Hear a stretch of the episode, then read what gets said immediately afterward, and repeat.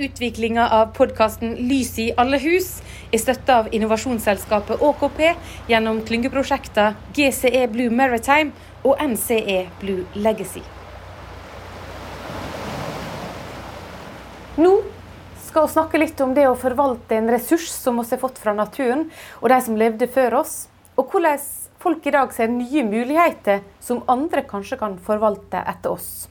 Det skal handle om fiskeboller og hoppekreps en ressurs som vi kan høste i et omfang som er større enn summen av alle fiskeslag i, i dagens eh, fiskerinæring. Og det skal handle om motgang og hvordan et koronavirus kan lære oss noe viktig. Da er vi på kontorjobb på dagen, så jobber vi ettermiddagsskift på kveldene i produksjon. Og eh, det driver vi på med ennå. så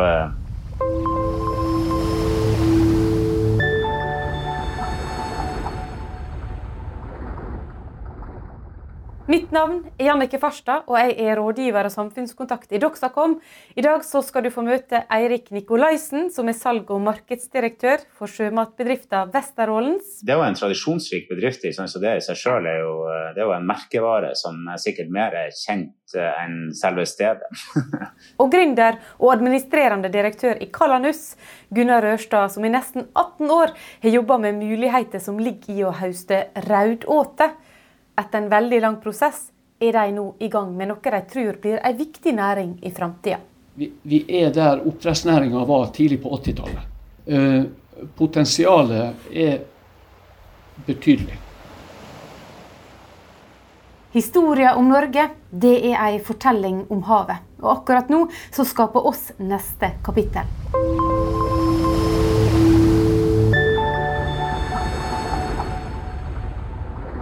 Det er noen ting her i livet han bare ikke kødder med. De karakteristiske grønne buksene med Vesterålens fiskeboller er en av dem. Da blir det bråk. Tidlig på 90-tallet var det snakk om å flytte produksjonen til Sverige. Da skrev forfatter Lars Håby Christensen dette kampdiktet. 'Dråpen som får havet til å flyte over'. Hvis hermetikken skal flyttes til Sverige, kan man ikke like godt ta skrittet fullt ut. Jeg mener, flytt Møysadalen til Danmark, flytt Hurtigruta til Mjøsa, flytt fiskefeltene til Luxembourg. Og mens man først er i gang, send midnattssola til Sveits, rull horisonten sammen og sett vinden inn på sperret konto. Jeg mener, det er hardt å være optimist i disse tider, og enda hardere er det å være pessimist. La meg derfor slå et slag for fiskebollen, ja, fiskebollen, dråpen som får havet til å flyte over, som får oss til å se alt dette vi ikke vil miste. Det var ikke så veldig vanskelig å tyde hva han mente. Men historien går veldig mye lenger tilbake, så langt tilbake som til da spanskesjuka straks skulle ta livet av mellom 50 og 100 millioner mennesker rundt om i verden. I 1917 hadde Roald Amundsen erobra Sydpolen, og nå skulle han gjennom Nordøstpassasjen og trengte mat som kunne hjelpe han til å nå målet. Vi hermetiserte fiskepudding, som da eh, gikk i ganske store mengder. I tillegg så ba han også om et parti med, med tørrfisk, som eh, da ble sendt fra eh, Sortland for å være, være med på reisen. Medan Amundsen tok fiskematen gjennom Nordøstpassasjen for 100 år siden, så prøver de som er på jobb i dag, å ta den til Kina vært en ganske lang eh, prosess på en måte for å få et uh, norsk produkt godkjent uh, og få det gjennom si, hele den fasen der. og legge opp en markedsstrategi og markedsplan for å kunne selge produktet der. Men nå på fredag skal vi kjøre selve market. Uh, da er det, det er litt forsinka pga. den situasjonen vi har vært gjennom nå, men nå skal vi kjøre lansering på, på fredag. Så da blir vi streama til ja, en del millioner mennesker på fredag i Kina klokka to. Så det blir spennende å følge med på.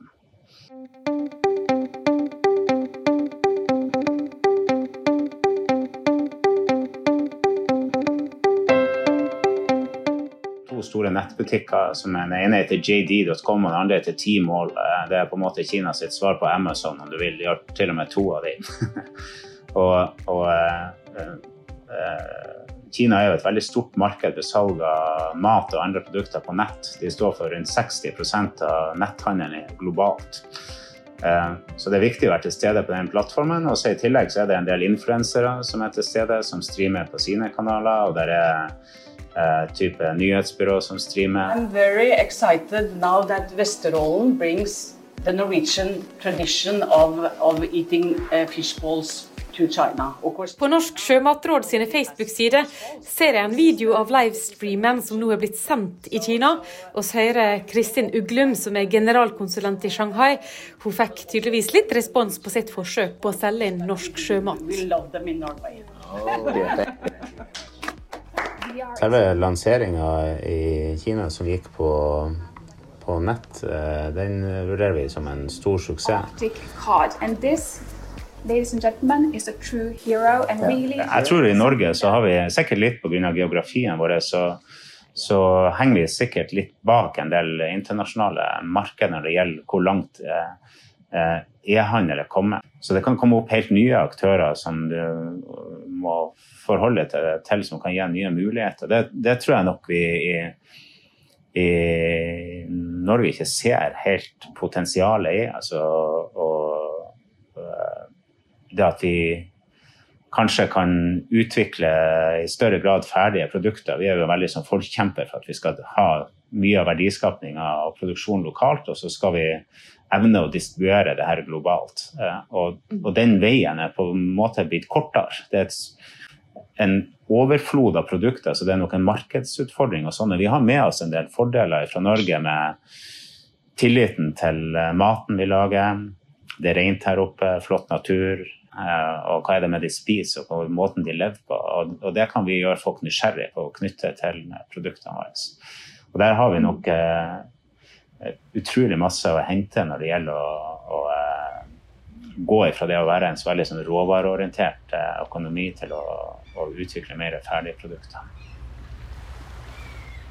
Mulighetene ligger i havet. Du har kanskje hørt både statsministeren og veldig mange andre fortelle om det. Og det er nok fordi det er noe i det. Selv om havoverflata dekker 70% av planeten vår, så blir bare 2,4% av matproduksjonen henta derifra.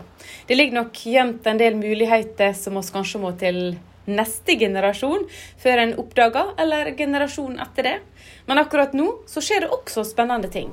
Ja, ja, det er gode, gode varer. I nesten 20 år har gründer og administrerende direktør i Kalanus med hovedkontor i Tromsø vært opptatt av at det ligger store, uutnytta muligheter litt lenger nede i verdikjeden. Ja, det er rett og slett. Det starta helt tilbake i 2002. Eh, da eh, kom professor Kurt Tande ved Universitetet i Tromsø til eh, undertegnede og Jan Raa professor eh, i biokjemi ved, ved universitetet, med en uh, idé om at det skulle være mulig å høste og utnytte raudåte. Så ble det her kjørt litt forsiktig uh, som et, som et prosjekt der en så på muligheten for å høste raudåte i veldig liten skala. vi analyserte på råvaren. vi gjorde enkle labforsøk for å, å, å finne ut hva, hva, råstoffet inneholdt. Uh, og så var det først i 2007 at vi etablerte selskapet, og da med, med, med tre ansatte gründere.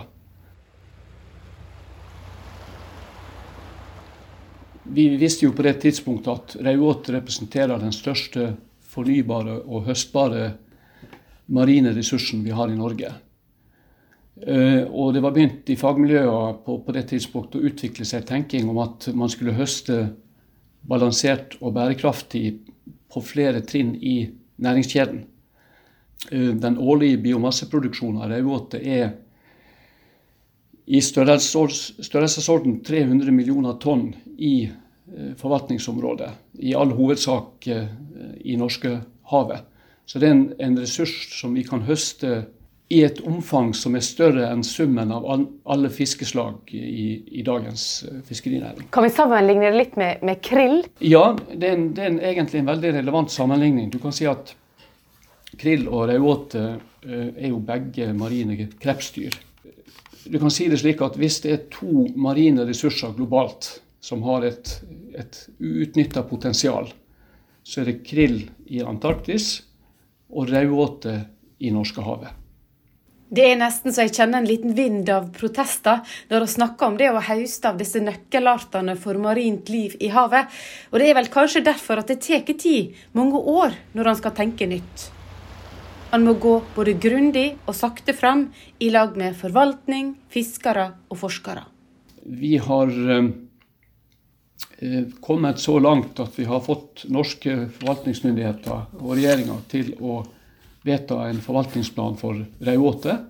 Og det var utløsende for vår beslutning om å investere i eh, det første industrielle eh, prosessanlegget for raudåte. Eh, så det eh, har vi nå under bygging nede på eh, Sortland, Sortland kommune. Og det er et prosessanlegg som skal være ferdig i første kvartal neste år og vil gi oss en kapasitet til å prosessere ca. 10 000 tonn eh, raudåte.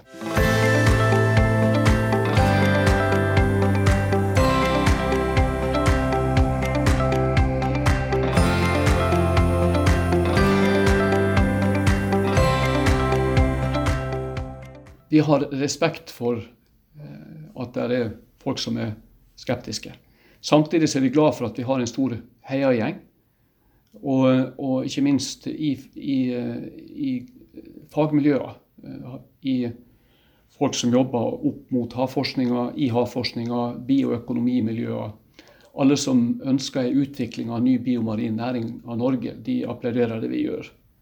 Så kan du si at jeg kommer jo sjøl fra fiskebåten før jeg flytta fra Ålesund i, for veldig lenge siden. Og, så jeg liker jo å mobbe de her fiskerne litt. Og jeg, jeg, jeg sier det at fiskere, fiskerne de er mot høsting av raudåte, med mindre de sjøl får kvotetillatelser. Da er de for det. Så det, så det, så det stikker ikke dypere enn det. Men, uh, men, det som er hugd i stein her, er at, at alle, alle, fagmiljøer er av den oppfatninga at det er fornuftig å høste bærekraftig på flere trinn i næringsnettet. Dette er altså eksempel på to bedrifter og to karer langs kysten som i dag går på jobb og forvalter både historien vår, og kanskje legger til rette for de som kommer etter oss, hva de skal styre med. Og Det er litt fascinerende å tenke på hvor mange som faktisk akkurat i dag går på jobb og er med å skape helt sanne unike historier. Akkurat nå så er det også en litt rar tid, der både sønnen min på 15 og dattera mi på 11 kommer inn hele tida på mitt heimekontor for å få litt hjelp. Kan du hjelpe meg å finne en bok? Eh, kan du svare på et spørsmål først? Har du tenkt noe på hva du vil jobbe med når du blir voksen? Mm, ja. Hva da? Eh, en jobb der jeg skal reise mye. Reise mye? Ja. Hvor du vil reise hen, da? Australia og Asia. Og Afrika. Oi. Skulle jeg hjelpe deg å finne en bok? Ja. Ok. Men denne litt spesielle tida kan også lære oss noe. Den er snudd opp ned på hverdagen på jobb til de som jobber i Westerålens, blant annet. Til lunsj den 12. mars eh, så bestemte, kom jo regjeringa ut med de tiltakene med stengte grenser, og vi stengte barnehager og skoler. og og vi så på nyhetene at folk var og hamstra litt i butikk, eh, men eh, reflekterte kanskje ikke noe sånn spesielt over at det traff oss. Men når vi kom på jobb på fredag morgen, så begynte det å ry inn med bestillinger. Og de bestillingene som kom inn, var på et nivå eh, som Det var en månedsbestilling som kom inn på dagen på fredagen. Eh, og da forsvant jo hele lageret vårt, som trente på bare på én eh, ordre på én dag. Og så fortsatte det sånn på mandag og på tirsdag. Da måtte vi få på plass ett skift til. Eh, og eh, det hadde vi jo i prinsippet ikke på kontoret. Så da hadde vi et krisemøte egentlig i helga der vi så hvordan vi kan løse det. Og vi måtte se hva vi kunne trekke på ressurser fra administrasjonen. Og da på mandag så var folk klare. Så det var det å eh, finne tak i tøy og skotøy og sånne ting som passer. Og på opplæring på mandag og tirsdag. Og fra onsdag så jobber vi ettermiddagsskift. Da er vi på kontorjobb på dagen, så jobber vi ettermiddagsskift på kveldene i produksjon. Og eh, det driver vi på med ennå. så, eh, Så, men det har vært fantastisk. Det er utrolig bra gjeng. Så det viser litt med tenker jeg at det er noe, De sender administrerende rundt og pisker han fram og tilbake om å gjøre det sånn og ikke gjøre det sånn. så, så, jeg tenker at det har vært eh, Jeg tror alle ville vært foruten den erfaringa heller, å få lov til å jobbe eh, side ved side. Glem det du gjør til vanlig. alle, jeg tenker alle ledere har hatt godt av Er du en sykehusdirektør, kom deg inn og vær sykepleier et par dager. Da tror jeg du får mye mer innblikk i utfordringer som eh, folk har som jobber i en eller annen form for produksjon. Hvis det, når jeg skal gjøre ansettelser i framtida og hente inn uh, ny selger som kanskje skal jobbe og selge filet, så kommer jeg til å dedikere en uh, uke på gulvet på hver avdeling der de skal få lov til å jobbe i produksjon og, og forstå hva det er vi egentlig holder på med.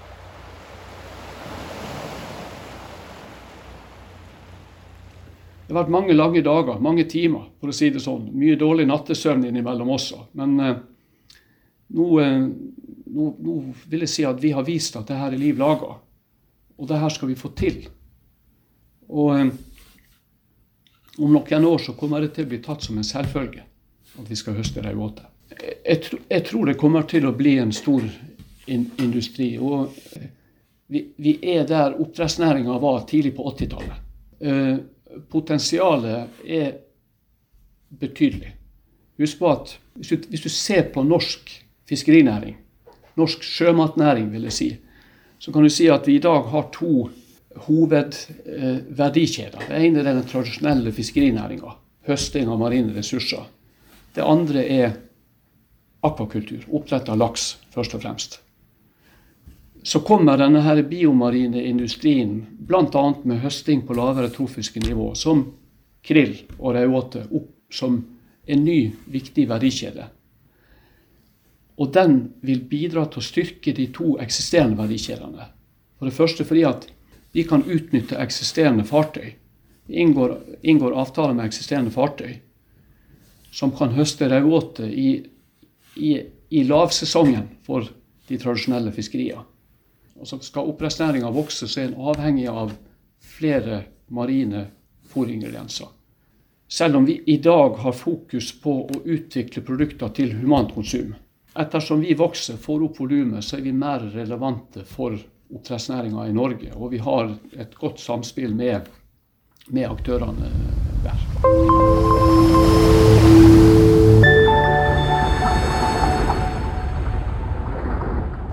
I denne podkasten har vi snakka litt om hvordan oss forvalter en historie, og eksempel på hvordan noen av oss tenker nytt for å skape ei. Og dette her har jeg tenkt ganske mye på det siste året, for i fjor sommer så mista jeg en veldig viktig del av min historie. Han pappa fikk dessverre bare bli 67 år. En av de siste dagene han levde, så satt han og prata med en kompis. Jeg satt bak i ei krå og bare gleda meg over å få lov til å være til stede og høre på. Han pappa lengta ut igjen til øya si, Lepsøya. Han sa til kompisen at det går ikke an å bo mer sentralt enn ute på ei slik øy, der det er mye natur og hav og noen hundre mennesker. Det ligger ti minutter fra hysefeltet og ti minutter fra krabbefeltet. Hva annet skal han definere sentralt ut ifra? Et kjøpesenter? filosoferte han over. I ettertid så har jeg tenkt litt på hvis vi skal se verden slik som han pappa, ja, da er det vel bare ei øy litt lenger nord i landet som kanskje ligger litt mer sentralt enn Lepsøya. første jeg begynner med når jeg presenterer selskapet vårt, den første sliden som jeg alltid viser fram, det er vårt viktigste konkurransefortrinn, og det er lokalisering. Så vi er plassert eh, i et område, ikke bare i Norge, men også i verden, der du har eh, veldig rike råvareressurser, og du har det utrolig nært kysten. Eh, vi høster jo alle våre råvarer fra kystflåten. Eh, og det at vi faktisk har et kystfiske i Norge som kan bringe i sesongen, så bringer du ferske råvarer inn kanskje to-tre ganger om dagen går du ut og henter fisk. og det, det fiske, Den måten å fiske på er helt unik. Og så tenker jeg at verden er blitt mindre i dag. Hvis du skal sitte og selge dine produkter og markedsføre dem på eh, nett et sted, du, du, har ingen, ingen av å sitte i New York. For to timer siden så satt jeg og hadde et kundemøte med en, eh, folk i Sydney. Kunne, det har ikke vært noe fordel for meg om jeg hadde sittet i Amsterdam og gjort det samme. Det, det gjør ikke noe forskjell.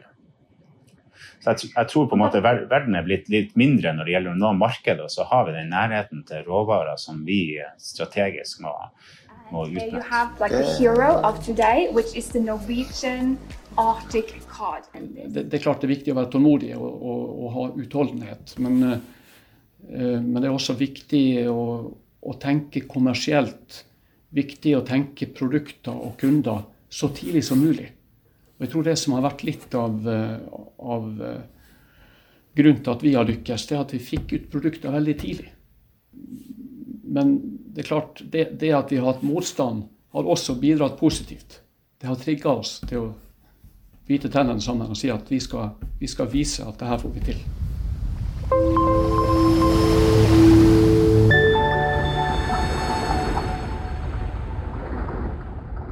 Vi har vært og rota utafor fjæra de på Sunnmøre, for å si det sånn. Og, og vi har høsta helt eh, nord og øst av, av Nordkapp.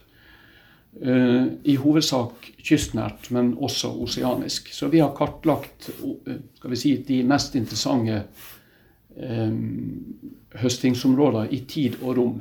Så det er klart at i forhold til den, den marine eh, utviklinga, så er vi veldig sentralt posisjonert. Mye av eh, tyngdepunktet av Fiskefeltene ligger i nord. Eh, tyngdepunktet av utviklinga framover innenfor havbruk vil foregå i nord.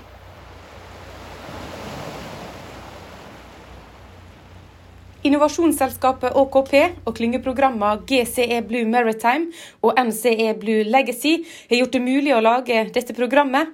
Både Vesterålens og Kalanus er medlemsbedrifter. De ulike regionene har komplementære kompetanser vi kan dele. Vi kan samarbeide, og så får vi konkurrere der vi skal konkurrere. Men jeg tror, det, jeg tror det er kjempeviktig å få til eh, denne type samarbeid. Bygge felles kompetanseplattformer, felles prosjekter, dele kunnskap. Eh, få til ting som ikke vi klarer å få til eh, hver for oss.